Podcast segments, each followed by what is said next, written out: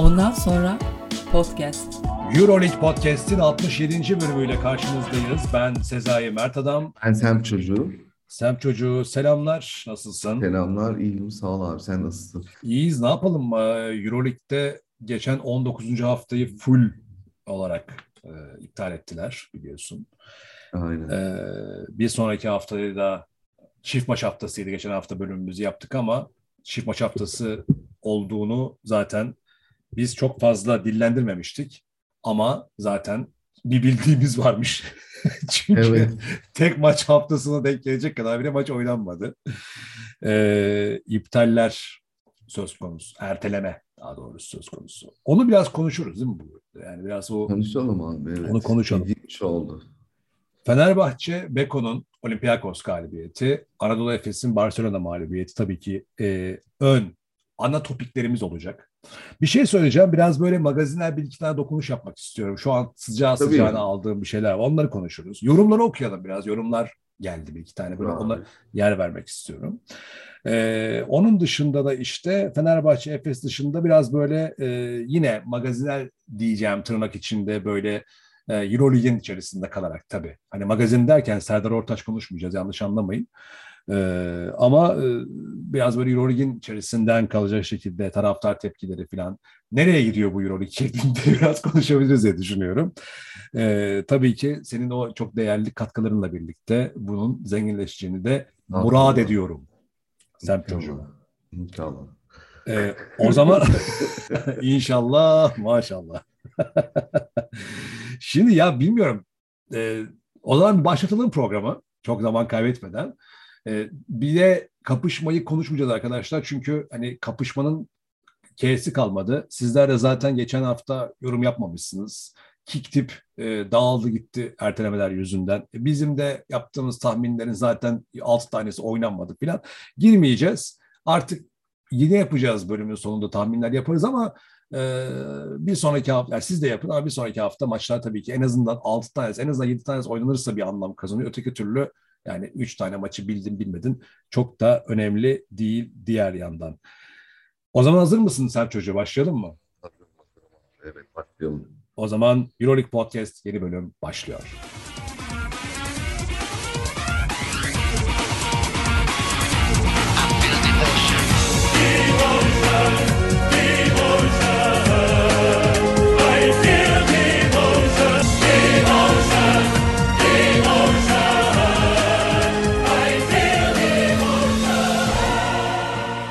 Aralar şeyi okuyorum. Karamazov kardeşler.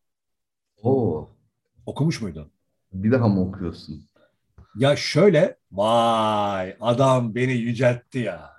Adam beni yüceltti ya. Bir daha mı oku? Ya dedi ki yani Sezai zaten Karamazov kardeşleri bugüne kadar okumuştur. Öyle düşünüyorum yani. Yok okumadım abi falan diyormuşsun. Dürüst olayım Kapatıyorum yayını ben. diyor.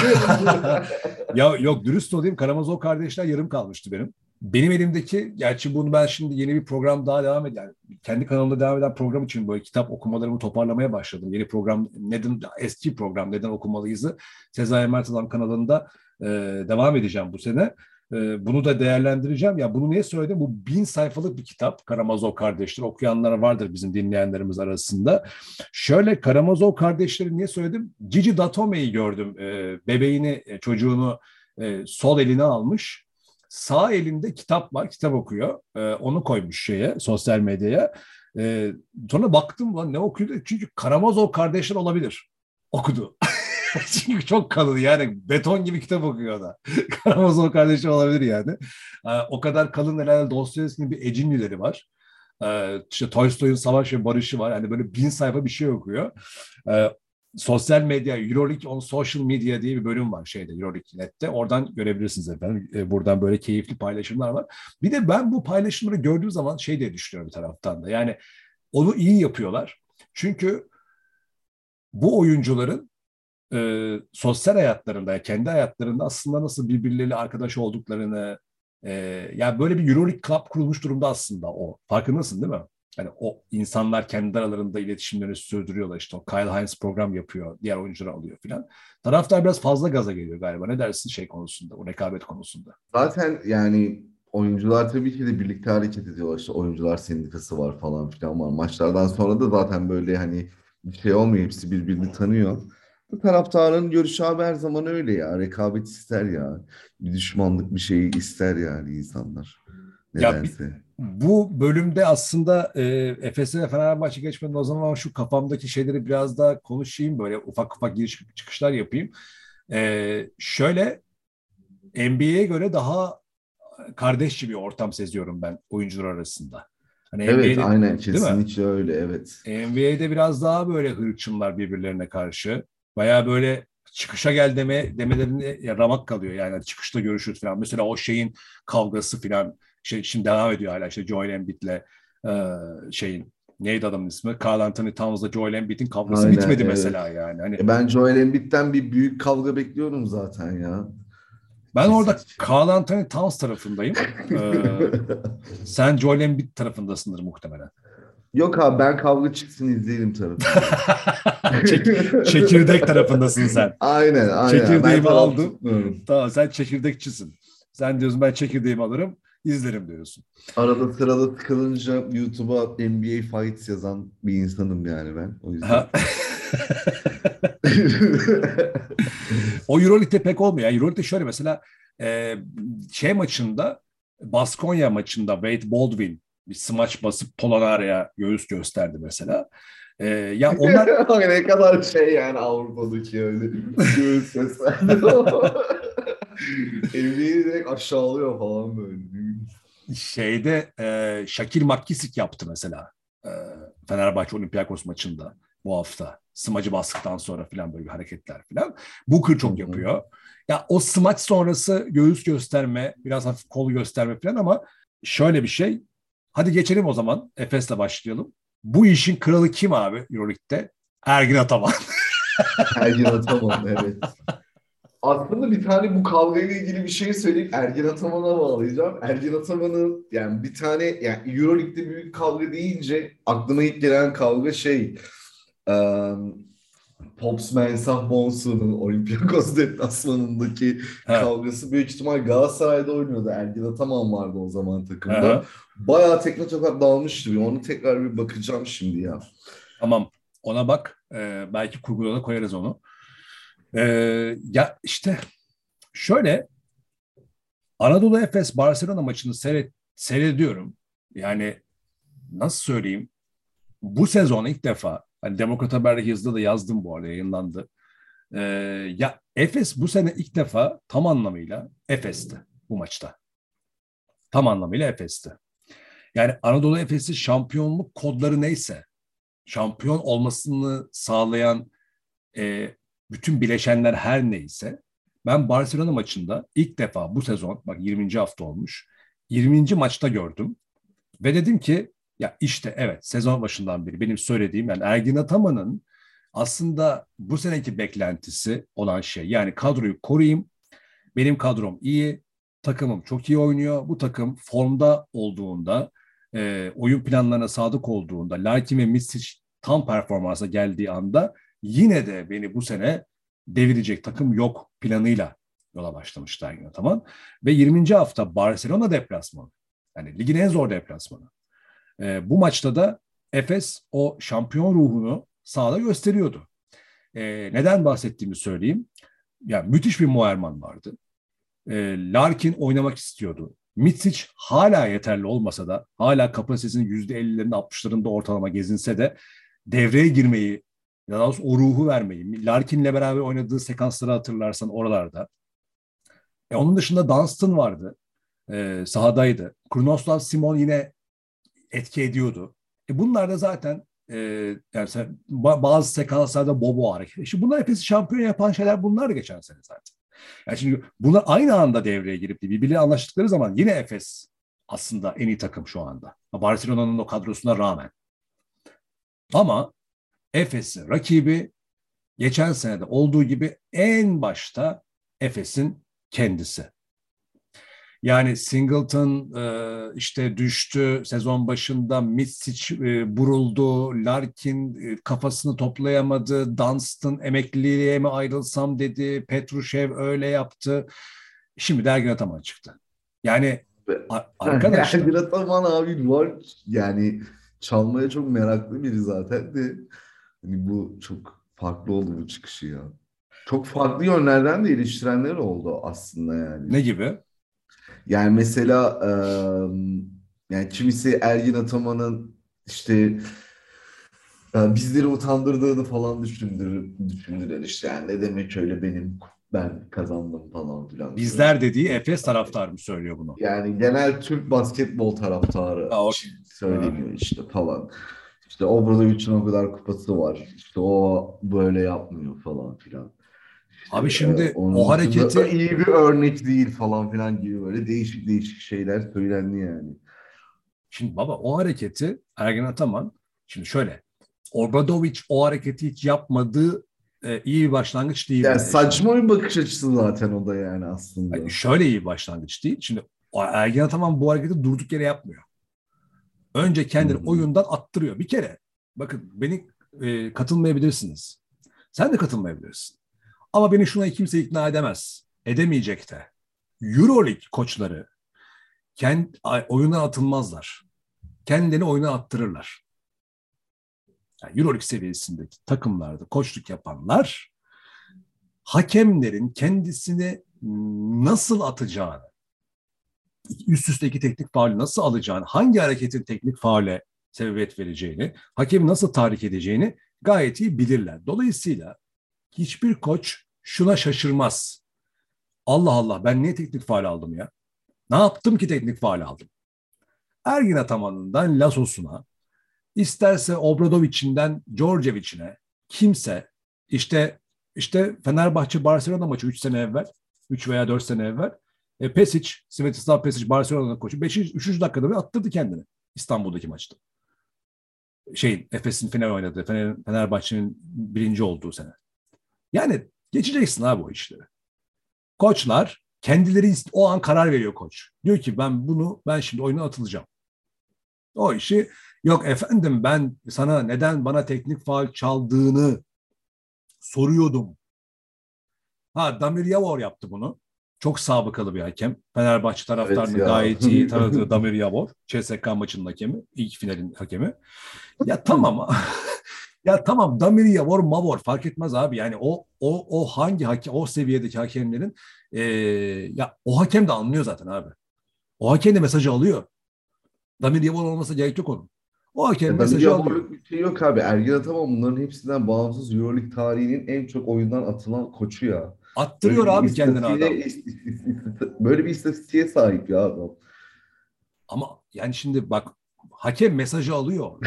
Onu demeye çalışıyorum. Bak Euroleague hakemi diyor ki bu kaşınıyor diyor. Yani bu bilerek beni diyor çağ yanına çağırıyor diyor. Yani bu itirazlar silsilesiyle ben mesela maçı izlerken eşim yanımdaydı. O izlemiyordu olsa dedim ki Ergin Ataman yine kendini attırmaya karar ver dedim ve peşine at, atıldı. Ya ben anlıyorum abi. Yok efendim bana niye çaldıydın da bilmiyorum. Ya bir de pozisyona bakıyorsun. İlk maçı hatırla Barcelona maçı. E, Singleton'ın pozisyonu muydu? Yine Boboa'nın pozisyonu. Yine Boboa'nın pozisyonu galiba. Ya abi eften püften bir mevzu yani. Anladın mı? Ha şimdi senin aleyhine aleyhine aleyhine çalar. Maçı katleder. Sen de isyan edersin. Böyle bir şey yok. Böyle bir şey varsa zaten senin işin değil o bak. Hani bu Fenerbahçe taraftarını eleştirirken, Fenerbahçe camiası eleştirirken de söylüyordum. Arkadaşlar kasti olarak hakemler sistematik olarak e, seni sahada maç maç doğramaya başladıysa, bilerek yapıyorlarsa bunun çözümü koçta değildir. Bunun çözümü yönetimdedir. Yönetim bir karar verir. Arkadaşlar sistematik olarak bizi burada bozan bir e, karar verilmiş. Biz bu ligden çekiliyoruz dersin. Çekilirsin, bitirirsin, konuyu kapatırsın orada. Böyle sade suya tiret iç yani "Ya biz orada hakkını savunduk tabii geçeceksin. Şimdi Obradovic konusuna geleceğim. O hani 9 kupa bir kupa hikayesi. Ya şimdi Obradovic kendi, o noktaya gelmedi ki hiç. Dediğin gibi. Hani Obradovic o noktaya gelir, gelse o zaman kıyaslarsın. Dersin ki bak Obradovic de oyundan atılmıştı. Atılırken taraftar tepki vermişti. Ama o kalkıp demedi ki ben 9 kupa kazandım. Ama Ergin Ataman ısrarla bunun peşinde birader ya adam. Bunun peşinde abi adam. Adam sayıyor ya. Sayıyor abi adam sayıyor. Fenerbahçe'yi şu kadar maç yendim. Şu kadar kupa kazandım. Ligde bunu yaptım. Şunu yaptım. Not ediyor adam. Kaf- Aklında da not, notlu olarak var bunlar zaten. Var abi. Şurada Ya İtalya Ligi'nde. bir ego patlaması da yaşadı şimdi bu Euroleague şampiyonluğundan sonra. Ben yani artık böyle takımla da kopmaya başlıyor ya şu an bu hareketleriyle böyle. Ergin Ataman'ın maçı e, kendisini bu şekilde attırdıktan sonra iki defadır. İkidir Efes maçı kaybediyor. Ben anlamadım ki abi. Ya bu ben takım kaptanı olsam veya bir bir takım yani Efes'te bir oyuncu olsam yani bu durumdan huzursuz olurum yani ve hocaya söylerim yani birader attırma kendini yani senin sahada olman lazım. Yani, Yani- bunu demeye çalışıyorum ya. Yani bir, yani bayağı ya bu oyunculardan da koptuğunu gösteriyor. Böyle kendisini herkesten bir üstün görme triplerine falan girmesi kötü yani. Yani ben e, bu hani ben kazandım demesi yani bunu dersin abi Ronaldo da gitti Atletico Madrid fanlarına yapınca cool oldu. Ergin Ataman yapınca mı kötü oldu? Ama Atletico Ama Madrid şu açıdan kötü. saldırdılar ama kötü. orada. Orada saldırdılar abi. Atletico Madrid Yani orada da benim 5 saldırdı tane yani. Şampiyonlar Ligi kupam var. Sizin sıfır işte bilmem ne. Gitti ondan sonraki maçta hat-trick yaptı falan da. Cevabını da verdi. Yani ama Ergin Ataman şimdi şu şöyle yani orada Ronaldo aslında takımla falan şeyle olayla bütünleşti bütünleşirken burada tam tersi Ergin Ataman olaydan kopup e, takımdan da aynı zamanda kopuk bir şekilde davranıyor ve takımı yalnız bırakıp böyle yani e, belki mesela maç sonunda o sahada olsaydı çok daha farklı bir maç sonu izleyebilirdik yani. Abi Efes kazanacaktı maçı ya. Net Yani söylüyorum ben. Efes'in böyle kötü oynamadığı, gayet iyi mücadele ettiği, Shane Larkin, Vasilya Mix için saat gibi işlediği bir ortam var. Yani Kazanacaktı diyorum ya. Kazanacaktı maçı. Efes o maçı kazanacaktı. Ergin Ataman Chris atıldı. Singleton bile kaybetti. katkı vermiş falan. Yani Evet artık. abi Efes kazanıyordu. Barcelona panik vaziyetteydi zaten. Barcelona ne yapsa Yaskevicius bütün Yaskevicius 5 uzuna uzun uzun 5'e döndü. E, kısalara döndü. E, Larkin'in üzerine ikili sıkıştırma getir- getirdi. Pota altını bozmaya çalıştı. Ulan Dunstan kaç kişiyi orada bozdu pota altında ya. Sertaç e, Sertaç'la deneme yaptı. Başka bir yerden çözüm buldu Efes. Sertaç ne yaptı? Ba- baktı Dunstan pota altında e, şey iyi savunma yapıyor. Bu sefer Sertaç'ı devreye soktu. Sertaç ne yaptı? E, Efes'i iyi tanıdığı için Dunstan'dan da gayet iyi tanıdığı için çıktı dışarıdan üçlük atarak hani kurtarmaya çalıştı. Orada bir miktar Barcelona'ya doğru kaydı. Arkasından bu sefer e, Larkin'le Misic devreye girdi. Boboa devreye girdi. Yine denge Efes'e. Ya Efes maçı kazanacaktı. Barcelona'ya o mesajı öyle bir verdi ki Barcelona zaten Milano'ya kaybetmiş. Onun da bir şeyi var. e, üzerinde baskısı var. Tak bir tane daha. Bir de o kadar büyük e, yani cebinde tek bir galibiyete dönmeyeceksin İstanbul'a sen. Barcelona'yı yenmiş olacaksın. En et, şu andaki en büyük şampiyonluk adayı Milano'dan sonra Efes'i de evinde yenildiği için krize girecek. Bunlar da var. İlave takım özgüvenini yükseltecekti. Çünkü sezon başından beri takımda abi bizde ne var ne yok bir şeyler oluyor mu olmuyor mu? Abi bak görüyorsun gittik Barcelona'ya yani demek ki bizim şampiyon ruhumuz geri geldi. Bütün bunların hepsi çöpe. Evet, evet. Hepsi çöpe gitti. Ama Osmanlı'ya bağladılar ya. Bir ileri iki geri E yani. yani. O yüzden- Efes. Bir şey söyleyeceğim. Ee, ben işte şimdi dört tane sayayım. Daha da belki siz eklersiniz. İşte PES için at, kendini attırdığı maç Fenerbahçe kazandı. Barcelona. Ergin Ataman'ın iki tane maçı var Barcelona. İkisinde Barcelona kazandı. Ee, şey Lasso geçen sene Real Madrid Efes maçında kendini devre arasında attırdı. Real Madrid öndeydi. attırdı kendini. Maçı da Efes kazandı. Yani ben bir bu reaksiyon faulüymüş teknik faal takıma gaza getirmekmiş, bilmem neymiş. Ben bunlara inanmıyorum. Bugüne kadar da somut cevabını görmedim. Ne reaksiyon faaliyle maç kazanılır, ne rakibe e, ha şu şunu kabul ediyorum bak. Reaksiyon bloğu koyarsın. Dunstan yaptı mesela. Reaksiyon verirsin sahada. Gudur için geçen sene yaptığı gibi. İşte Yasikevicius Çakalı'nın gidip de e, maçın durduğu anlarda mola alır gibi takım topladığı zaman Gudur için yanlarına gidip ne konuşuyorsunuz bakayım siz benim burada durma hakkım var şeklinde taciz etmesi. Bunlar güzel şeyler. Maç içerisinde takımı yukarı çeken hareketlerdir. Takıma kaybettirmeyeceksin abi verdiğin hareket. Takıma kaybettiren reaksiyon takıma kaybettiriyorsun ya. Maçı kazanmak için oradasın yani. Ne takıma kaybettiriyorsun sen? Veseli'yi de eleştirdim ben geçen sene. Yine eleştiririm. Yapmayacağım baba bu sene de eleştirdim Veseli'yi. Bak Veseli'den bahsediyorum yani. Heykelini dikeceğiz bu adamın. Ama eleştireceksin. Alamazsın abi iki tane teknik faul sen. reaksiyon verdim. Ulan sen reaksiyon verince atıldıktan sonra senin verdiğin reaksiyon ne kıymeti var? Sen bu takımın en değerli oyuncususun. Sen çıktıktan sonra yemişim senin reaksiyonunu. Sahada yoksa artık sen. Kim oynayacak sen yokken? Almış götürüyorsun. Ergin Ataman da. Ya, yazık Yakup Sekizoğlu orada ikidir tek başına kalıyor adam ya bir anda. Hani bu adamın yani söyledin mi peki? Planladıysan sen bunu. Yakup Hoca'ya söyledin mi? Bak Yakup ben çıkacağım. Değil mi? Yani evet. Hiç öyle bir yüz ifadesi görmedim ben Yakup Sekizoğlu'nda ikidir. Adam şok vaziyette bir anda kendini kenarda buluyor.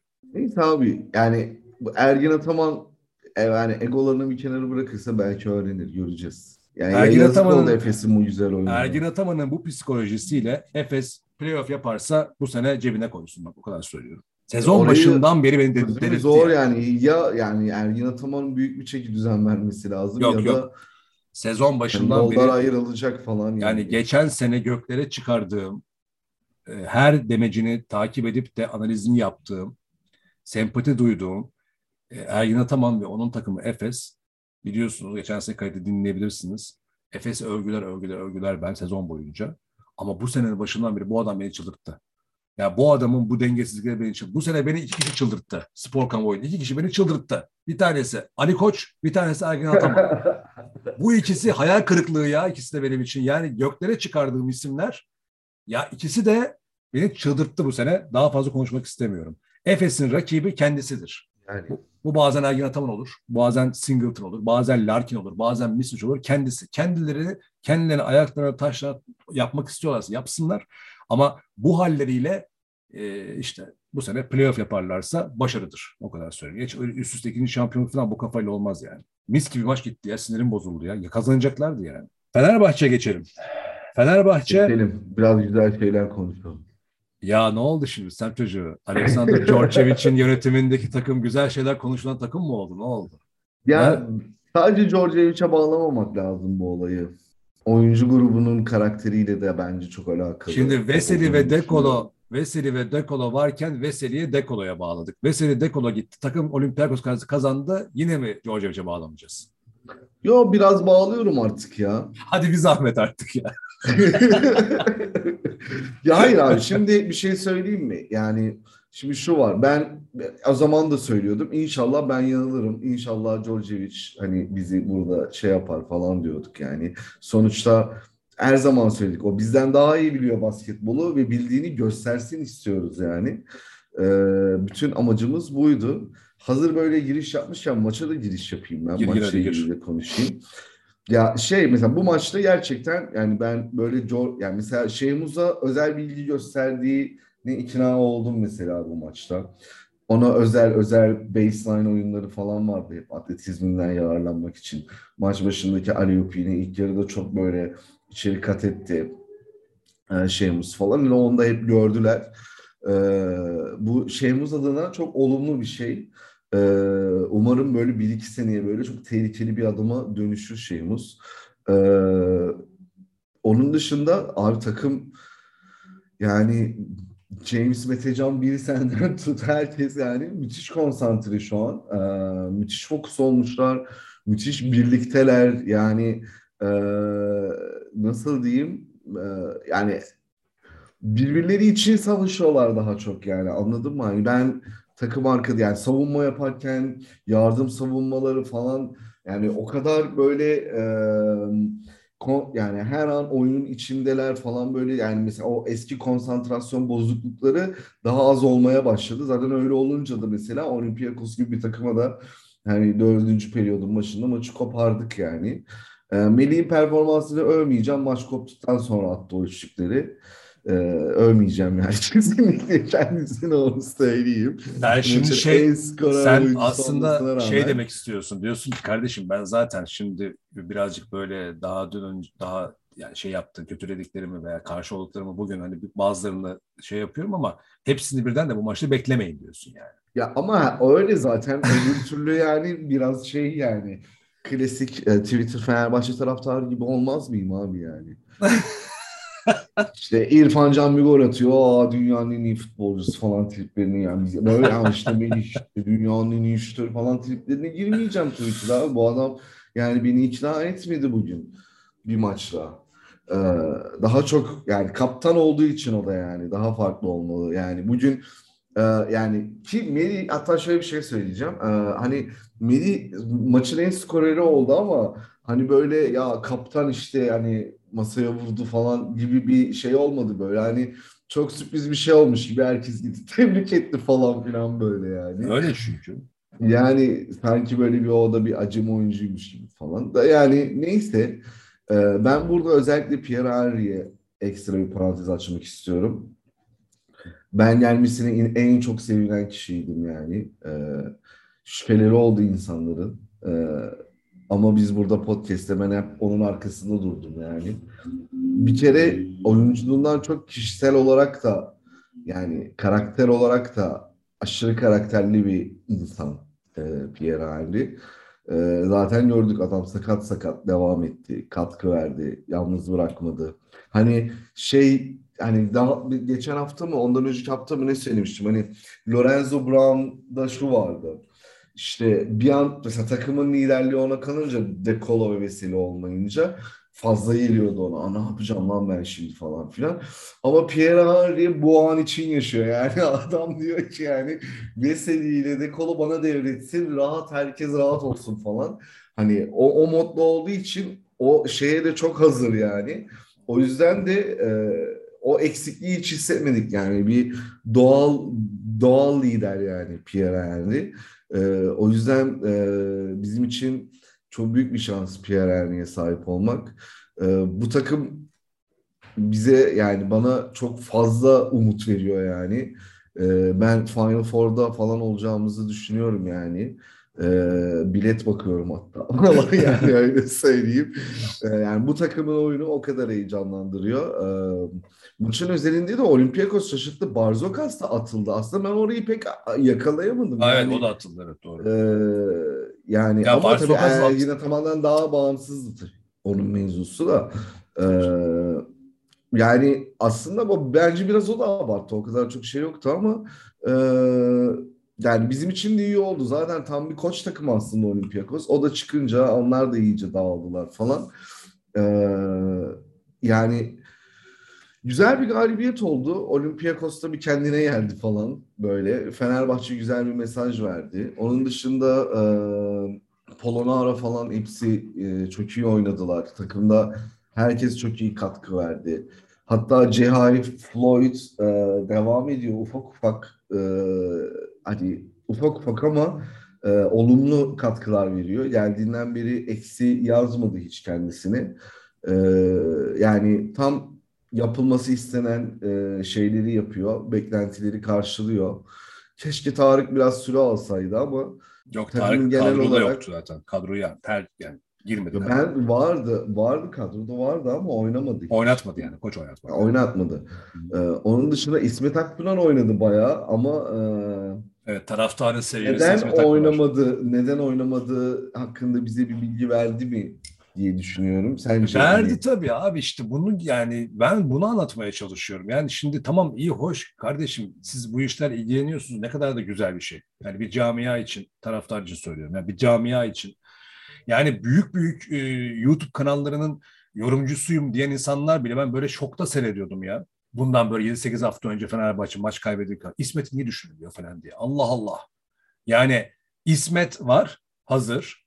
Çok iyi durumda e, guard rotasyonuna büyük bir katkı sunacak durumda ama Djordjevic nedense şey göz retinası yanmış Djordjevic'in görmüyor İsmet Akpınar'ı. Bir engeli var Hayır, sanki. taraftarın taraftarın isyanı da şu şundan da var. Şimdi ben de mesela İsmet Akpınar hakkında şeydim yani ben de diyordum oynasın falan.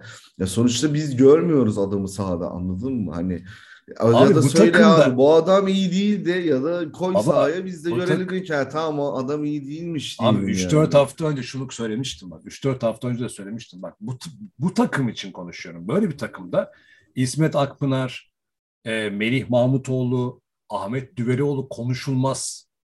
Ya bunları konuşuyorsan sen ya yanlış bir şey konuşuyorsundur ya da senin takımın fecaat haldedir. Sen e, ağlanacak haline başka bir şey bir çözüm bulmaya çalışıyorsundur. Şöyle bir kadro varken elinde e, eksikler, yani yenilgiler varken İsmet niye değerlendirilmiyor? Melih'ten yeter. Ya ne Melih'i ne İsmet'i kardeşim? Bunlar dördüncü sıra, üçüncü sıra şu an bu kurguda. Ne Melih'inden bahsediyor insan anladın ki? Hangi İsmet? Pierre Henry var. Dekolo var. E, Şemus Hazer var. Duruma göre Guduric var. Ondan sonra e, İsmet Akpınar var. Ya bu kurgu bu. Yani buna göre kurulmuş o kadro. Adam da geldiği zaman böyle görmüş. Antrenmanlarda da bunu görüyor. İsmet Akpınar belki 3 sene sonra aynı Sertaç'ın yaptığı çıkış gibi 3 sene sonra, 2 sene sonra belki bugün Fenerbahçe'nin ya da bir başka büyük kulübün bir numaralı point kartı olacaktır. Ama şu anda değil. Yani böyle böyle değil zaten. E, Kaan kimse zaten beklemiyor abi İsmet Akpınar. Ama o yüzden sanki yani, birinci guard olmasını. Baba ben Twitter'da görüyordum ya İsmet'i oynatmıyorsun falan diye George ne yani bir beş dakika oynatsın yani falan hani insanlar da görmek istiyor abi. Sonuçta. Ya abi burası şey değil defile değil burası ya. Oradaki koç niye orada şey mi adam? E, bostan korkuluğu mu o adam orada? Senin keyfin yani görsün diye yani iş biraz da bunu görün. Öyle öyle değil. Ya ama mesela şimdi bu maçtaki performansı istinaden de adamı kesip atmak da bence adil değil yani. Ben kesip atmıyorum. Diyorum ki şimdi ben oradan şeye geçeyim. Djordjevic eleştirilen hep şunu söyledi. Mesela koç dokunuşu, koç dokunuşu. Veya işte Polonara, Henry. işte bu, yani bunlar için bir zamana ihtiyacı vardı. Çünkü hakim olması gerekiyordu. Allah koştu konuştu gelmeye başladı. Niye? Adam hakim çünkü artık. Hani. Hakimden kastım da bu oyuncu ne işe yarar bilgisinden bahsetmiyorum. İstediği oyun biçimlerine, istediği setlere, istediği tempoya, istediği anlayışa göre bir kere oyuncu adaptasyonu ve bir arada oynama alışkanlığının gelişmesi gerekiyor. İkincisi de oyuncuların kendilerine ait form düzeylerini yukarı çekmeleri gerekiyor. Mesela Polonara'da, Booker'da, Henry'de, hatta Dechampierre'de bile sezon başında o formlar yoktu. Zamanla yukarı dön. İsmet için de geçerli bu. Yukarı, Melih için değil. Ama hepsi, onlar yukarı, Melih başka bir hikaye. Ama onların hepsi bir kere formlarını yukarı taşıdılar. Artık yani sezon ortasında gelindiğinde artık Polonara hazır vaziyete geldi. Bu bir. Adam hadi hazır olunca niye oynatmasın? Adam manyak mı? Kazanmak için oraya gelmiş, kazanmak için maaş alıyor. O da istiyor başarılı olmayı. İkincisi koç dokunuşu hikayesi. Hücum setleri hikayesi. Orada da özellikle savunmayı öncelemesinin nedeni şu olmuş belli ki. Dedi ki kardeşim bu takımı ben kurmadım. İki bu takımın bazı kodları var. Üç hazır olmayan oyuncular var. E, benim oynayacağım maçlar var. O nedenle benim elimde hücum üretkenliği olan Dekono, Veseli, Guduric gibi hani kendiliğinden hücum üretkenliği yaratan oyuncular, Henry gibi patlayıcı özellikli oyuncular varken ben özellikle savunmayı öne çıkartayım ki en azından e, atamazsam yemeyeyim. Daha az yiyeyim. Burayı güçlendirdi. E şimdi savunmadan hücuma geçişler ve Dekolo ve Veseli'nin yokluğunda bu maç üzerinde konuşuyorum. Daha tempolu, daha rotasyonlu bir takıma geçmek zorunda da kaldılar biraz. E bu da sonuç verdi. E, bir de sen şey dedin ya az önce hani Pierre Henry'nin liderliği. Yani Giorgio için kafasında bu ta, kafasındaki takım lider takımı değil. Bir baştan onu söyleyeyim ben. Her koçun başka bir bakış açısı vardı. George sezon başından beri bunu anlatmaya çalışıyor. Burası bir lider takımı değil. Yani burası Dekolo'nun takımı değil. Veseli'nin takımı değil. Henry'nin takımı da değil. Liderlik değil. Burada diyor ki adam herkesin rolleri var. Bu roller değişken olacak. Ben parkedeki beşin birbiriyle uyumlu hücum savunma dengesi üzerinden yüksek tempolu bir takım yaratmaya çalışıyorum diyor. Hayır, liderlik tarafına geldiği zaman kendisi söylüyor. Ben Dekolo'da öğreniyorum diyor adam öğreniyorum dediği şey şu. Yani diyor ki kardeşim o da çok tecrübeli bir basketbolcu. Hani öğrenmek bitmez. Karşılıklı birbirimizi besliyoruz diyor. Ama mesela kritik bir anda yaptı ya hatta çok da eleştirildi. Hani mola almadı. Dekolo dedi ki yürü. Oyna dedi. Ama bu şey demek değil yani. Ben takımı Dekolo'ya bıraktım. Ben takımı Veseli'ye bırakmıyor abi adam. O yüzden bundan sonrası için de böyle olacak. O istiyor ki, ben bunu daha sezon başındaki bir programda söylemiştim. O istiyor ki Ahmet Düveli de çok iyi, Düvelioğlu çok iyi olacak. Melih Mahmutoğlu çok iyi olacak. Tarık Biberoş çok, bunlar çok iyi. Kötü oyuncu istemiyorum diyor. Kötü olan, yetersiz, ikinci rolde. Öyle değil. Hayır diyor, hazır olacaksınız. Üçe çekeceğim ben seni. Dört. Metecan'daki ısrarı bu. Şeyh Mustaki ısrarı bu.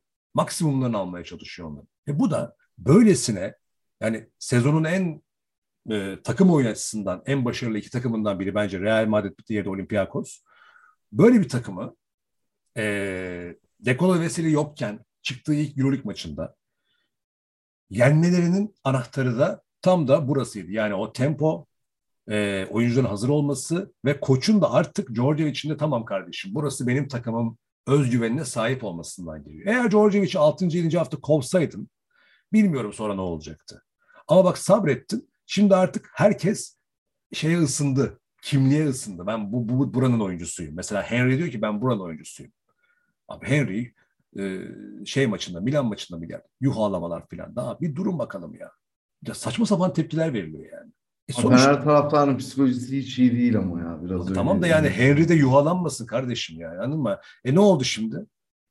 Yani şimdi bir de şu da var hep tekrar çok kısa hatırlatma yapacağım. Guduric, Dekolo, Veseli. Üç tane elit oyuncu var elinde. Buna geçen sene iyi bir Pierre eklendi. Dechampierre. Bir gün var bir gün yok. Lorenzo Brown'u da ekledim mi? Bu beş oyuncuyla Fenerbahçe geçen sene Final Four'un kapısına geldi. Şimdi bunlar kaldı. Buna ilave Pierre Henry, Polonara, Meryl Şayok, Devin Booker geldi. Yerli, Şehmus, Metecan, İsmet geldi. Elindeki kalan yerlilerde Melih, Ahmet, hani Ahmet de sayıyorum, Tarık'ı da sayıyorum yerli olarak. Bunlar Bartel de kaldı. Sakatlıktan daha dönemedi galiba hala. Dönmüştü ama tekrar yoktu maçta. Ve bir de uzun takviyesi geldi şimdi J.V. Floyd geldi. Şu takımın şu anki hali tek tek bak üst üste yaz, yan yana diz. İstersen önüne bir tane taktik tahtasına, taktik tahtasına alternatifli koy. Bu güçte olan sadece Efes, Barcelona ve CSK var. Başka yok. Milano da değil. Bak Milano'dan da güçlü bu takım. Yani hala Sergio Rodriguez demesinler yani. Hala Kyle Hayes demesinler. Milano'nun kadrosundan daha güçlü Fenerbahçe'nin kadrosu.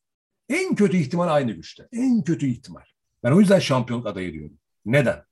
Çünkü sezon başında daha çok kadro gücüne değil, mücadeleye ve takım oyununa dayalı bir öne çıkma vardı takımlar arasında. Barcelona bile bunu yaptığı için ayakta kalabildi.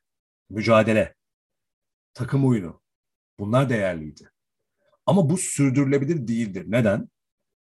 Bir yerden sonra hangi takımın yıldızları bolsa o yıldızlar forma girmeye başladıktan itibaren fark yaratmaya başlarlar. Efes Barcelona maçında onu üzüldüm işte. Hani Larkin Misic gösterdi orada. Yani şeyde söylüyor. E, Yaskevicius'u söyledi. Yani ligin en iyi iki gardı ellerinde şu anda dedi. E şimdi bu fark yaratacaktır. E, fark yarattığı noktada da Fenerbahçe savunmasını ve mücadele anlayışı oturttuğunda şimdi Dekolo Veseli sakatlandı o ekstra bir şey ama geri döndüğünde forma girdiklerinde e, Guduric gibi bir elit bir şutör varken elinde, Henry Polonara gibi üst düzey starlar varken elinde, iyi bir Booker varken e sen fark yaratırsın. Ve dolayısıyla o fark yaratılacak söylüyorum sezon başından beri. Yeter ki birazcık sabır. Yeter ki böyle işte bu sezonu da kaybettik. Ya nereye kaybettin? Dokuzuncu sırasın işte şu anda. Nereye kaybettin? Nasıl bir kayıp bu ya? Şampiyon olduğu sene beşinci bitirdin zaten. Ben anlamıyorum abi bunlar nasıl kriterler bunlar. Ve bak Barcelona yenebiliyordun. Real Madrid yenebiliyordun. Olympiakos yenebiliyordun ve en sonu yendin. Zenit yendin. CSK yendin. Milano maçı var sadece çok ekstra bir maçtır. Unis kazan. Fark attın. Efes yendin. Tependekiler de bunlar. Neyi kaybettik? Ne oldu? Belki de o maçlar kazansa şu an başka konuşuluyordu falan. Bu yani. saydığım Real Madrid, Barcelona, Olympiakos bir de Panathinaikos'a ekle 4. Efes maçını da Efes'i ligde yendiler. Burada yenildiler 5. Bu 5 maçın 3 tanesini alsan şu anda 11 galibiyet, 11 e, galibiyet, 7 mağlubiyet olacak. 11 galibiyet, 7 mağlubiyetle 3'tesin şu anda. 3. sıradasın. Ya da 5. sıradasın. Neyse işte. Fark etmez. Yani demek istediğin ya totalde olumsuz bir şey görmüyor mu abi? Oydu da buydu da. Bak ben demiyorum ki. Bu arada yorumlarda da çok hızlı bir, birkaç tane yorum okumak istiyorum yeri gelmişken. Bir tanesi ee, İlke Çevik, ha, Efes'i geçtik. Egemen Güven Sertaç olabilir. E, muhabbet çok dönüyor ama Egemen Sertaç'tan, Sertaç'tan biraz farklı. Eğer başarılı olursa bir tık alt vesile olabilir demiş. E, semt çocuğu İlke Çevik. Değerli İlke Çevik. Veseli'nin bir tık altı olabilir demiş Egemen. Egemen'i daha göremedik Euroleague'de. Bakalım göreceğiz. Sulu Özlü de selam ağzınıza sağlık. Keşke aşı ve düz dünya olaylarına hiç girmeseydiniz programda. Başka bir podcast açılabilir bu konular için. Hatta ben de fikirlerimi söylerim de. Ya şimdi özel olarak bu olaylara girmiyoruz. Ee, yani değiniyoruz. Bu, bu programda değinimiz oldu e, Sulu. Ama e, yani buraya da yazabilirsin. E, ya bir de aşı ve düz dünya olayları bunlar hayatın içinde. Yani Euroleague dediğimiz şey başka bir alemin mevzusu değil. Nihayetinde de işte aşı mevzusuna girmek zorundasın. E, korona yüzünden, omikron yüzünden kaç tane maç iptal edildi. E, oralardan konuşuyoruz. Bir de şeyi söyleyeceğim.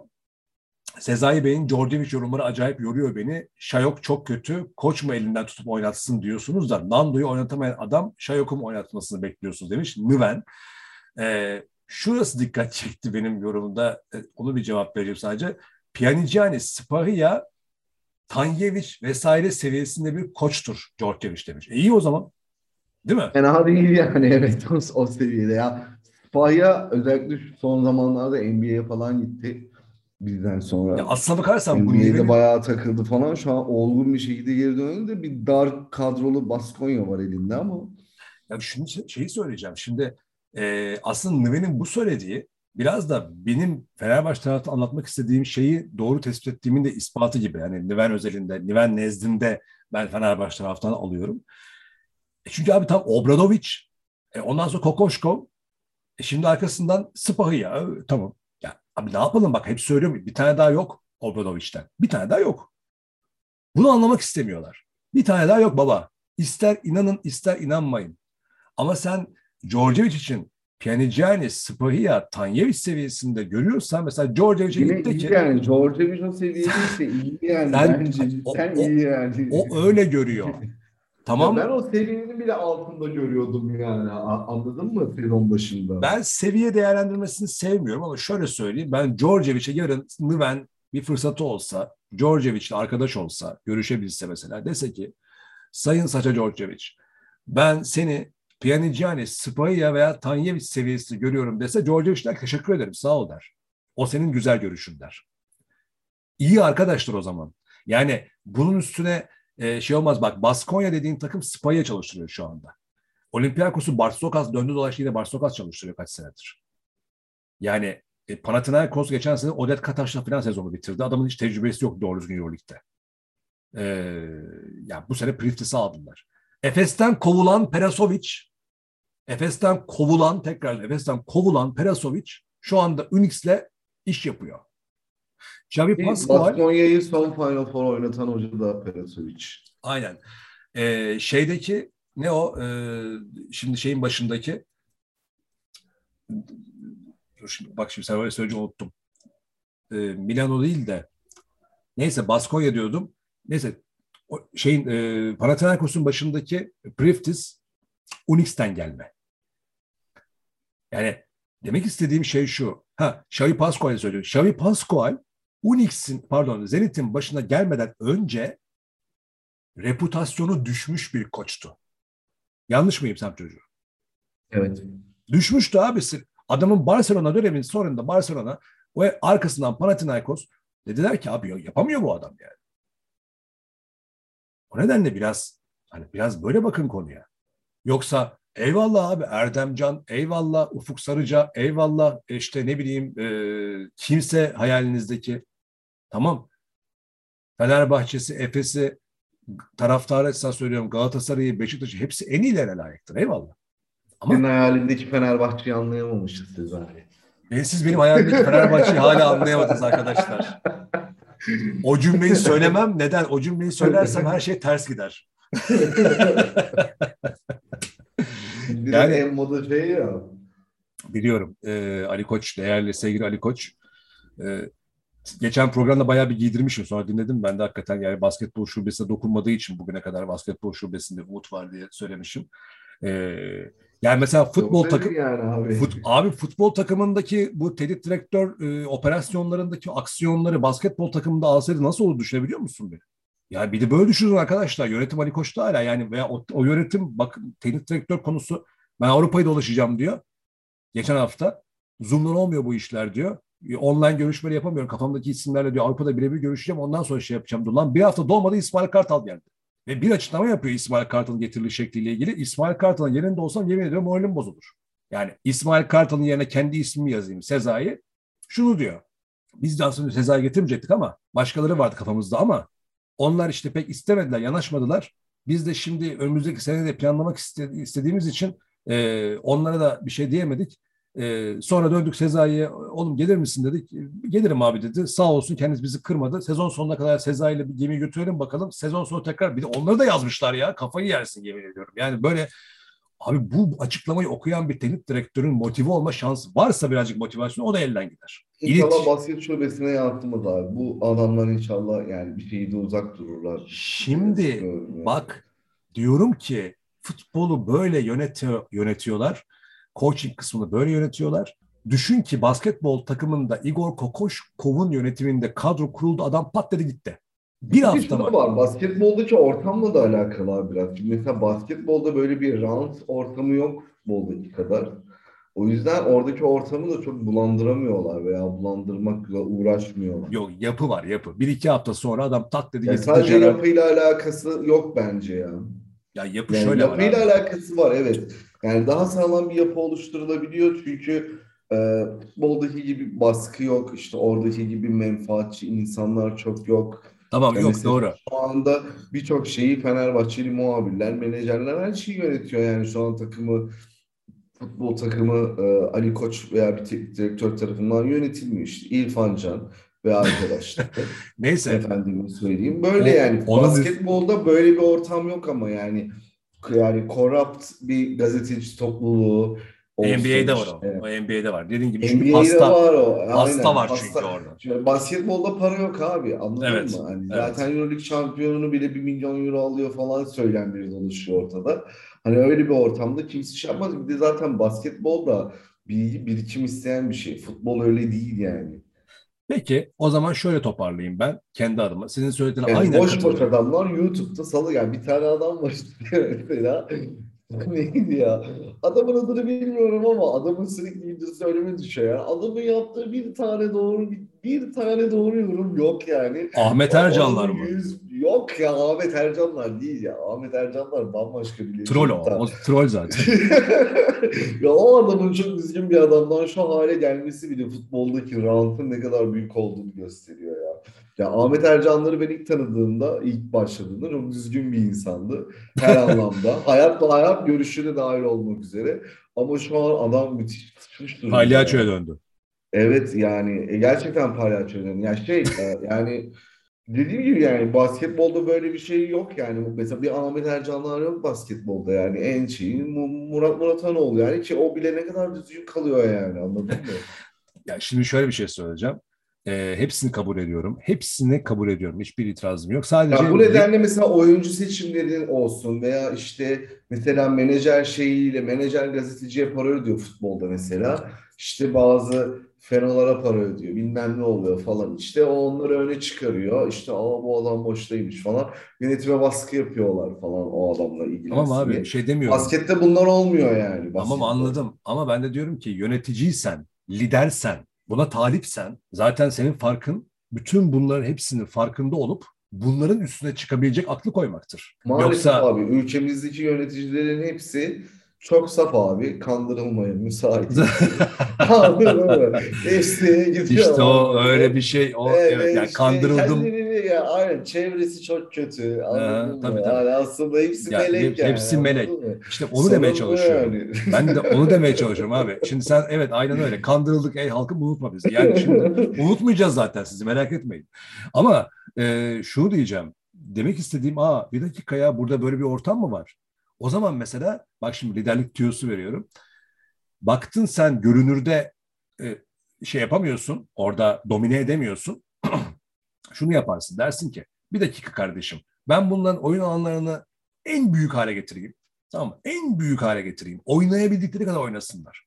Onları kendilerine rahat hissettireyim. Sosyal medya trolü mü var? Fenomeni mi var? Muhabiri mi var? Menajeri mi var? Köşe yazarı mı var? Eski kulüp yöneticisi mi var? Bilmem ne mi var? Oyuncunun içerisindeki grupçu, yedikçi mi var? Hepsine bırakırsın. Şans verirsin. Dersin ki arkadaş bunlar kendilerini çok rahatta hissetsinler. Onların arkasına geçersin.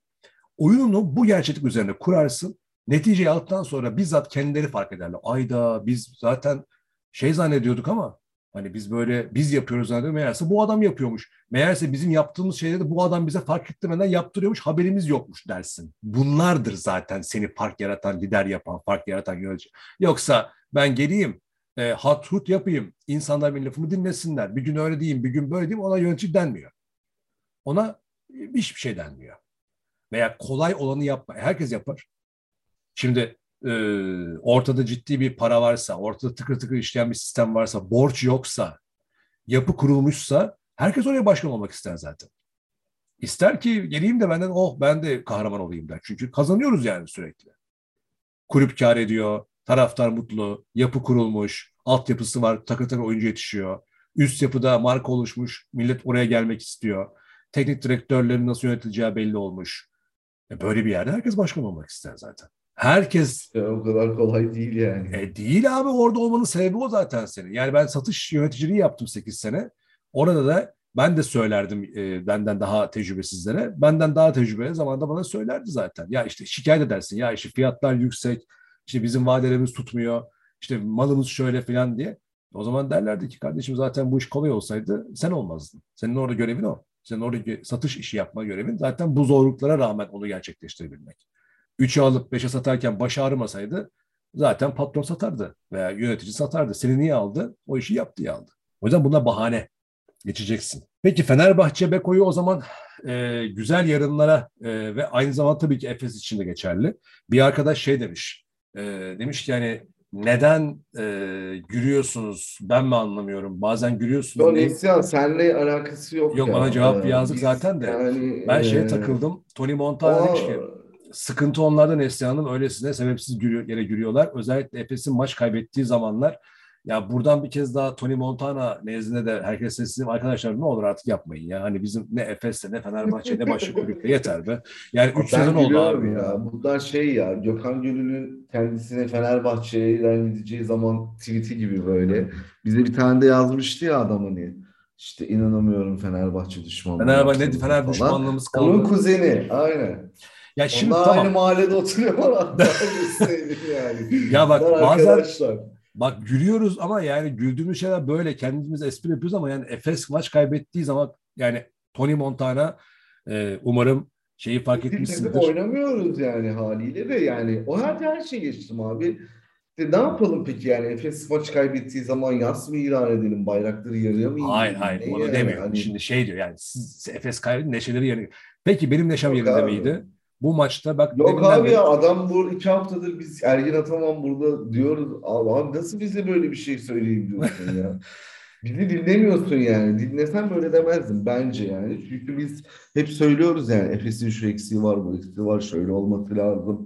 Hiç repeat yapacakmış gibi bir takım değil falan. Sence yani ben geçen sene böyle mi söylediniz? ben yani? geçen sene Efes e, överken bana da Fenerbahçe düşmanı diyenler olmuştu. Sen çocuğun da söylediği gibi. E, umarım bu bölümde daha iyi anlatabilmişizdir. Çünkü farkındaysan e, Fenerbahçe'yi pas geçip direkt hani hatta sen çocuğuna kiminle başlayalım diye sormadan direkt kendim kafadan Efes'le başladım.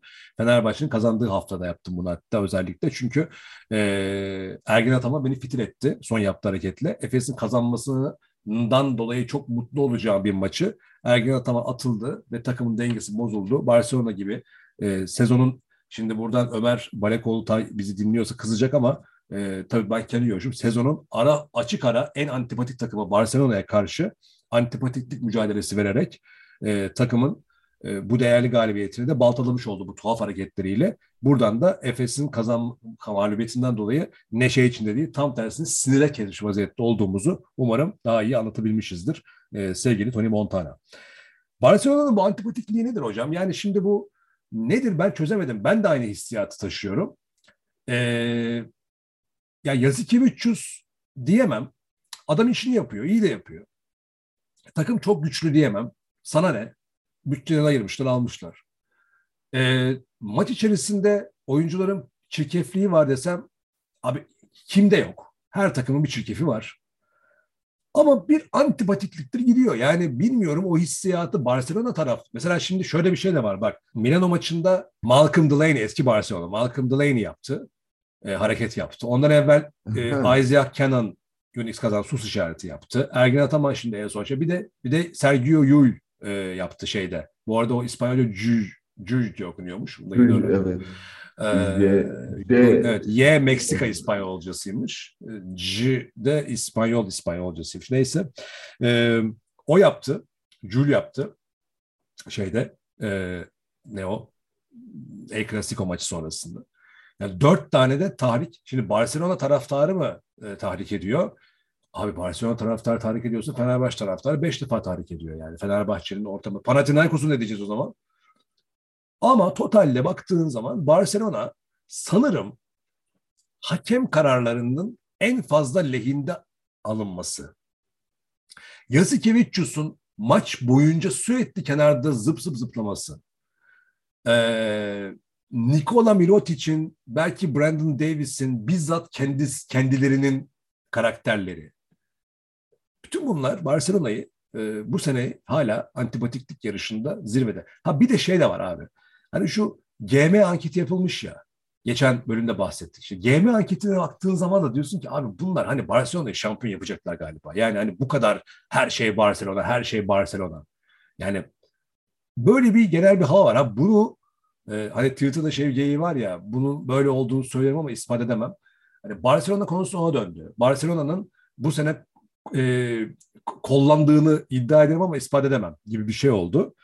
Ee, sende de böyle bir Milano mağlubiyeti var mesela Barcelona'nın yaşadığı. Aslında bütün bunlara hiç kimsenin böyle ben kollandığını mollan asla kabul etmem de sen de Barcelona'ya karşı böyle bir şey hissediyor musun? Böyle bir şey var mı yani? Ben de hissediyorum abi tabii ki de. Yönetiminden yani Barcelona'nın Euroligi yönetimi Barcelona'da her şey Barcelona endeksli her anlamda yani şehir olarak yani takımdan ziyade işte sezon öncesi şeyler Barcelona'da oluyor. O Barcelona'da oluyor, bu Barcelona'da oluyor.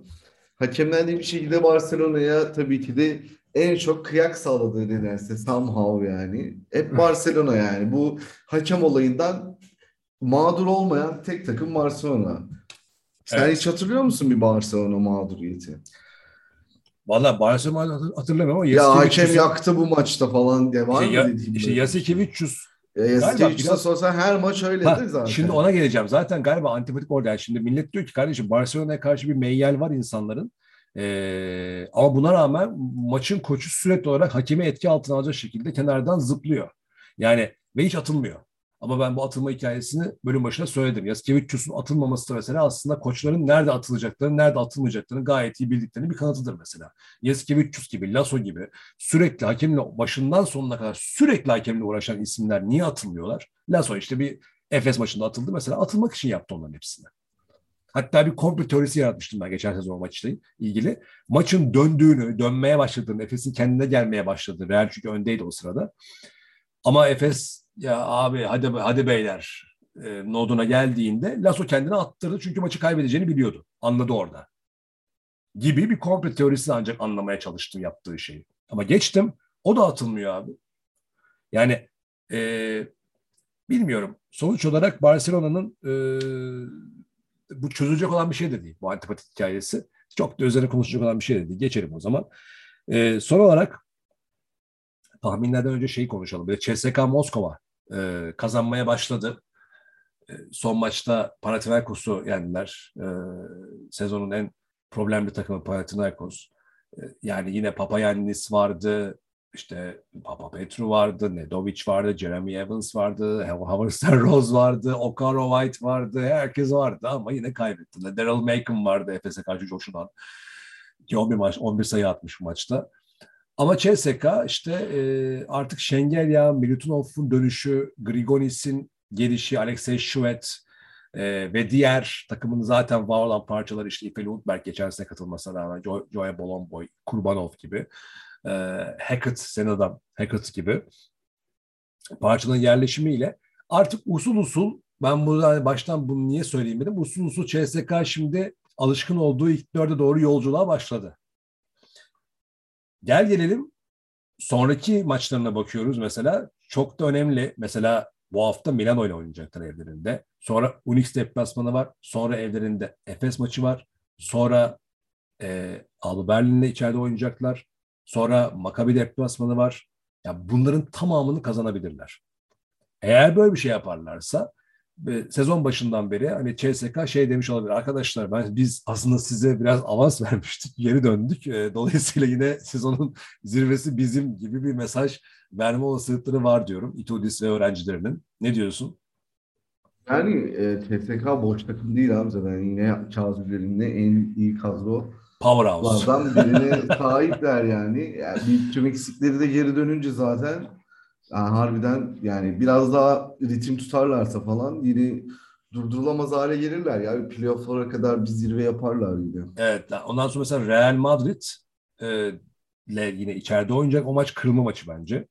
Sonra da Hı. Fenerbahçe deplasmanı var zorlu. Arkasından mesela Monaco, Kızılyıldız, Žalgiris, Zenit ve Baskonya abi. Yani o kadar açık ki şey e, fikstür. Arada Efes, Fenerbahçe ve e, Milan. Kolay maçı yok ya.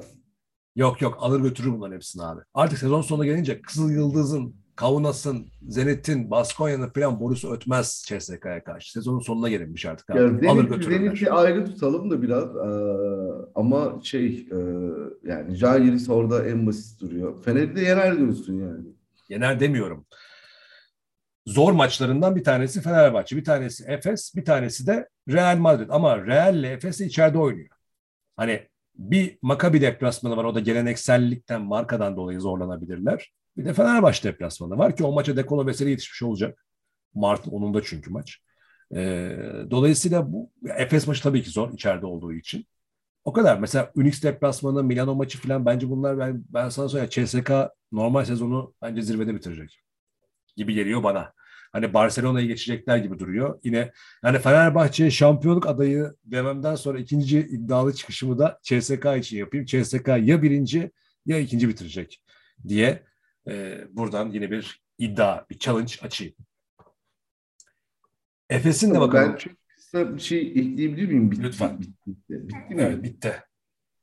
Efes'in falan dedin de bir yani ne, ne Efes'i söyle abi istiyorsan. Yok Efes'in fikstürüne de bir bakalım diyecektim önümüzdeki maçlara. Ee, ama sen Bakalım CSK abi. ile ilgili söyle. Ha. Ya Yo, Panathi- ben bambaşka bir şey söyleyecektim ya bu konulardan bağımsız. Okey. Evet. Panathinaikos'la oynuyor içeride. Sonra Zenit deplasmanı var. Sonra CSK deplasmanı var demin söylediğimiz. Sonra içeride Asvel ve deplasman Olympiakos. Ee, sonra da içeride Maccabi ve yine içeride Fenerbahçe. Yani baktığın zaman son derece zorlu bir, bir fikstür var. Yani Panathinaikos'u içeride yenmesi lazım bu hafta. Bu Barcelona mağlubiyetinden sonra özellikle. Ya 5 beş sayıda kaybettiler bir de. Ya sinirim bozuldu. Ama arkasından mesela Rusya deplasmanları geliyor. Önce Zenit, sonra CSK. Ee, çift maç haftası. E, pardon çift maç haftası değil orası. E, hafta hafta gidiyor. E, sonra çift maç haftasında hani sonra Asvel deplasmanı. Yine pardon içeride Asvel. İçeride oynuyor Asvel'le. E, sonra da Olympiakos deplasmanı var. Yani zorlu bir fikstür. Fenerbahçe'de dahil. Fenerbahçe maçından sonra rahatlıyor Efes'te. Yani oraya kadar psikolojide toparlamaları gerekiyor. Onu da ekleyeyim dedim. Peki sen söyle sonra tahminlere geçelim. Ya ben bu hani kavgalar diyorduk ya yayının başından tutuyorum. Şey bu e, kavga evet dediğim gibi e, Pops Mensah Bozdu Galatasaray'da oynarken Olympiakos deplasmanında Mirza Belic'le e, birbirlerine girdiler, girmişlerdi böyle. E, hani sağlam bir Avrupa basketbolu kavgası isteyenler onu izleyebilirler. Bu bilgiyi vermek için şey yapmış. İyi yaptın. Bu arada kavga ve Galatasaray demişken ben de küçük bir e, güncel bilgi paylaşıp bir fikrimi söylemek istiyorum. Ve daha sonra beklentimi söyleyeyim. E, Efe Güven, Galatasaray Kadın Basketbol Baş Antrenörü. E, işte bir kadın hakemle tartıştı bugün maç içerisinde, BOTAŞ maçında. Aa, ve evet atıldı. ben de gördüm onu. Ya abi bir şey söyleyeceğim. Kadın basketbol ve kadın voleybol takımları ve genel olarak kadın e, branş takımları. Yani çok yakında kadın futbol takımları da futbol erkek futbol takımından hepsi daha başarılı. Yani futbolda da geçecekler zaten. Çok belli o da. Yani Türkiye kadın futbolcuları, Türkiye erkek futbolcularının toplam hem milli takım hem kulüp takım üzerine geçecekleri çok belli. Zaten Türkiye'nin şu anki vaziyetini geçmek için çok zorlamaya gerek yok. O kadar yerlerdeler ki çünkü zaten. O kadar rezil durumdalar ki. E, Çok rahat geçersin zaten. Birazcık ciddiye aldığın zaman işi. Şimdi nereye geleceğim? Ama bakıyorsun yani bunları erkekler çalıştırıyor. Şimdi erkek, kadın hakem var. Oynayan kadın. E, erkek o kadar iğreti duruyor ki orada o. Yani bir de erkekliğini de gösteriyor. Saçma sapan bağıra bağıra konuşmalar falan böyle işte. Erkeklik. Kadın takımlarının Birinci aşama şudur bundan sonra. Kadın takımlarını kadın antrenörleri çalıştırdığını görmek. Çok yakın zamanda umarım bu gerçekleşir. Şu erkekler oradan çekilirler. İkincisi de gerçekten eşitlikten bahsediyorsak.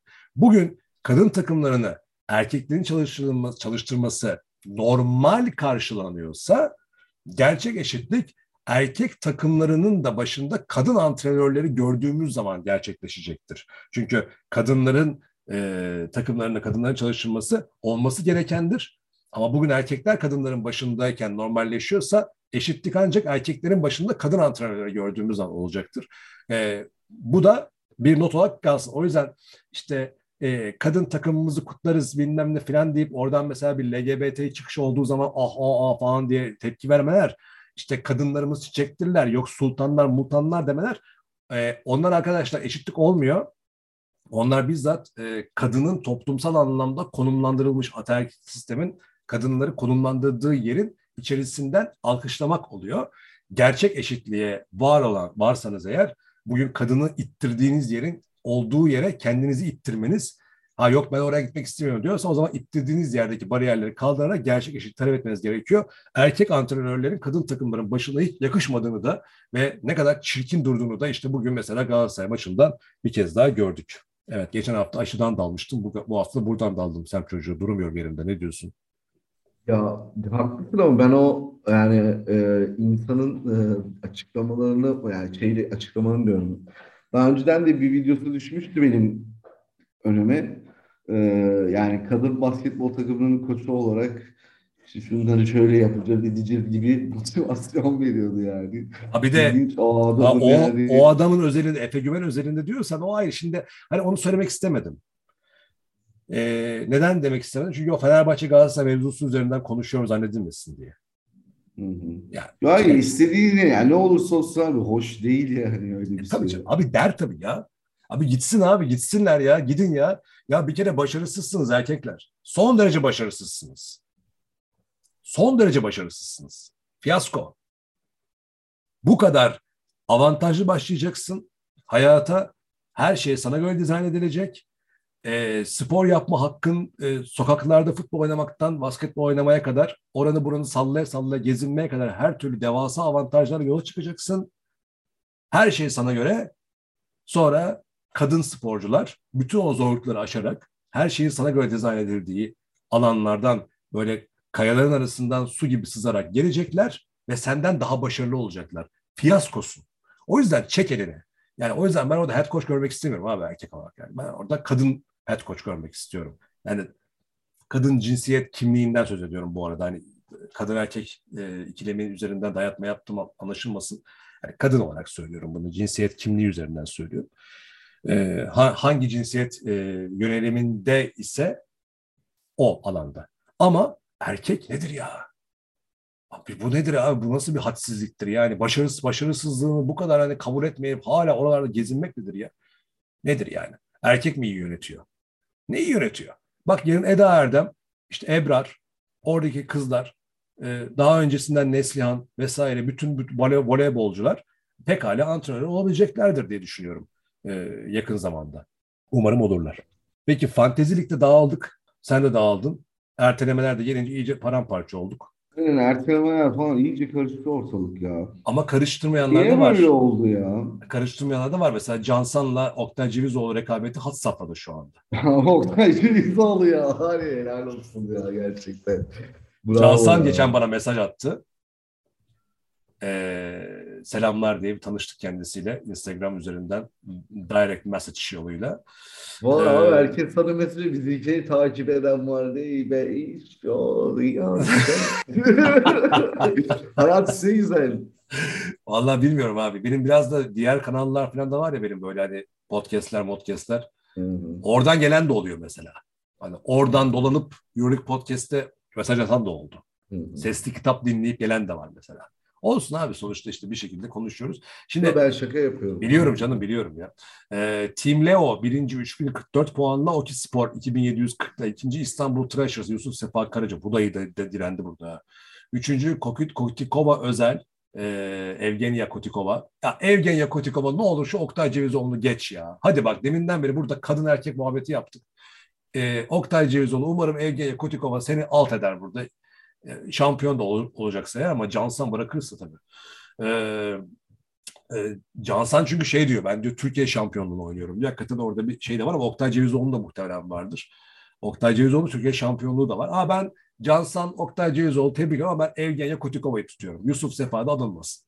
Cengiz Keçeli var. Basketbol kompedanı. İki, takı, iki tane takımıyla o da zirveyi kovalıyor. Burç Avcı yine orada. Ahmet Kurduk, Emre Ertan ve tabii ki tahminler şampiyonu Ahmet Tamer. Bu sene Nüvene kaptıracak bir koltuğu ama geçen senenin şampiyonu ben Ergin Ataman gibi. Ahmet Tamer sen de bak Ahmet Tamer sen eğer buradaki şeyi e, Euroleague Podcast'in Fantezi Ligi'ni kazanamazsan yani birinci olamazsan şu an 10. sıradasın yukarı karar sporla. Ne yaparsın biliyor musun Ahmet Tamer? Cansan'la Oktay Cevizoğlu'na belki Evgenya Kutikova, Yusuf Sefa Karaca'ya böyle kol, kollarını kaldır Ergen Ataman gibi fotoğraf çek. Gönder abi Instagram'da. I won the cup yaz. Tamam mı? Evet. Geçen sene... Geçen sene ben aldım. Ahmet Tamer'e bu hakkı veriyoruz. I won the cup. Kaldır kollarını gönder. I won the cup dersin. Ee, biz ne diyeceğiz acaba? Biz neyi won ettik? Biz neyi kazandık? Biz şimdi bir şey söyleyeceğim. Ayıp olacak. Bizim kazandığımız hiçbir şey kazanamadık. Neyse arkadaşlar şu er, ertelemeler falan şey yapar. Yani Euroleague Podcast e, ikinci e, şey var. Ligi var. Hani Gençlik Spor yeniden takımıyla orada 15 takım var. 15.yim ya. Yani artık bu kadar rezillik de olmaz kardeşim. Neyse. E, ben de bu sene öğrenmiş oldum diyelim. Ama bilenler e, bilmeyenlere anlatmıyor tabii. Cansan Oktay Cevizoğlu, Ahmet Tamer Oktay Cevizoğlu. İlke Çevik var burada. İlke Çevik de burada diller girmişti de yine bu arkadaşlar geldi aldı zirveyi. Bahattin Tutucu Uygar Tuna, Evgenya Kutikova yine burada. Atahan Dülgeroğlu, İhsan Ergun, İhsan Ergun takipçilerimizden Hasan Dönmez, Uygar Tuna, Biber Bey, Semt Bebesi. Bak sana gönderme yapmış Biber. Biliyorsun değil mi bu takımı? Sana Evet, gönderme yapmış. Evet, evet. evet. Semt Bebesi. Güzel, Ee, güzel. Tam benim üstümde. Ben de 15. ve sonuncuyum arkadaşlar. Sonuncu ve gururluyum. Peki. Haftanın tahminlerine geçelim artık. Kapatalım yavaş yavaş. Ee, tabii oynanırsa. Bu haftanın maçlarına bakıyoruz. Unix kazan Barcelona. Ben Unix diyorum ya. Bir kere Unix diyemezsin. Unix diyeceksin. Bunu konuşmuştuk. İngilizce değil orada. Unix kazan abi o zaman. Ben de Unix kazan diyorum ya. Hadi Yani Unix be. Al maçı rövanşı ya. Çıkarırlar bence bilenmiştir zaten. Hadi e, haydi Oyun Hezon ya. güzeldi. Haydi Kanaan diyoruz. e, Lorenzo Brown var ya. MVP ya adam. Bu senenin MVP adayı adam. Lorenzo Brown. Evet Lorenzo Brown önderliğinde. Hmm. Sen çocuğuna inat. Aynen. Yani bir şov bekliyorum ya Lorenzo, Lorenzo Brown'dan. Brown. Beklentilerimiz var ya. Triple double yapıyormuş. Ya. Lorenzo Brown oynamaz ben sana söyleyeyim. Şimdi şeyi destekliyoruz ya. Unix kazandı. Desteklemesek şov yapardı kesin. Yok ya Unix senin takımın hakikaten çok iyi. Zenit Monaco. Zenit abi. Zenit diyorum ben. Ama ben de burada Zenit diyorum ya. Evet. Tamam. Çok... Abi Euroleague takımı oldu onlar da ya artık. Oldular oldular. Fenerbahçe, Jalgiris yani Fenerbahçe. Evet. Ama bak bir şey söyleyeceğim. Yani Fenerbahçe değil pardon. Ee, şöyle zor maç bu. Yani şimdi şeyden havaya girmesinler. Bu kadar övdük ettik yani Fenerbahçe'de Dekolo ve Veseli'nin eksikliği hala önemli bir eksiklik arkadaşlar. Dolayısıyla Jalgiris maçını da güle oynaya kazanamayacak Fenerbahçe. Hakikaten çok zorlanacak. Özellikle bu tür maçlarda e, Jalgiris gibi takımlara karşı Dekolo Veseli gibi starların varlığı fark yaratır. E, onlar sayesinde kazanırsınız. E, dolayısıyla yani, umarım anlatabilmişimdir. Dolayısıyla bu maç zor bir maç olacak. Onu da baştan belirtelim. Alba Berlin, Real Madrid. Ee, yani Real, Real Madrid, Madrid. herhalde yani. Yani Öyle düşünüyorum. Alba'dan gelmez o Alba. Maccabi Olympiakos Olympiakos. Sen Maccabi dersin. Ben Olympiakos diyorum. Sen de mi Olympiakos? E, hep aynı Evet. tahmin yaptın. CSK Abi ne Milan. yapalım bu hafta da böyle yani. CSK. Milan. CSK. Ben CSK diyorum ya. Ben Evet. CSK diyorum.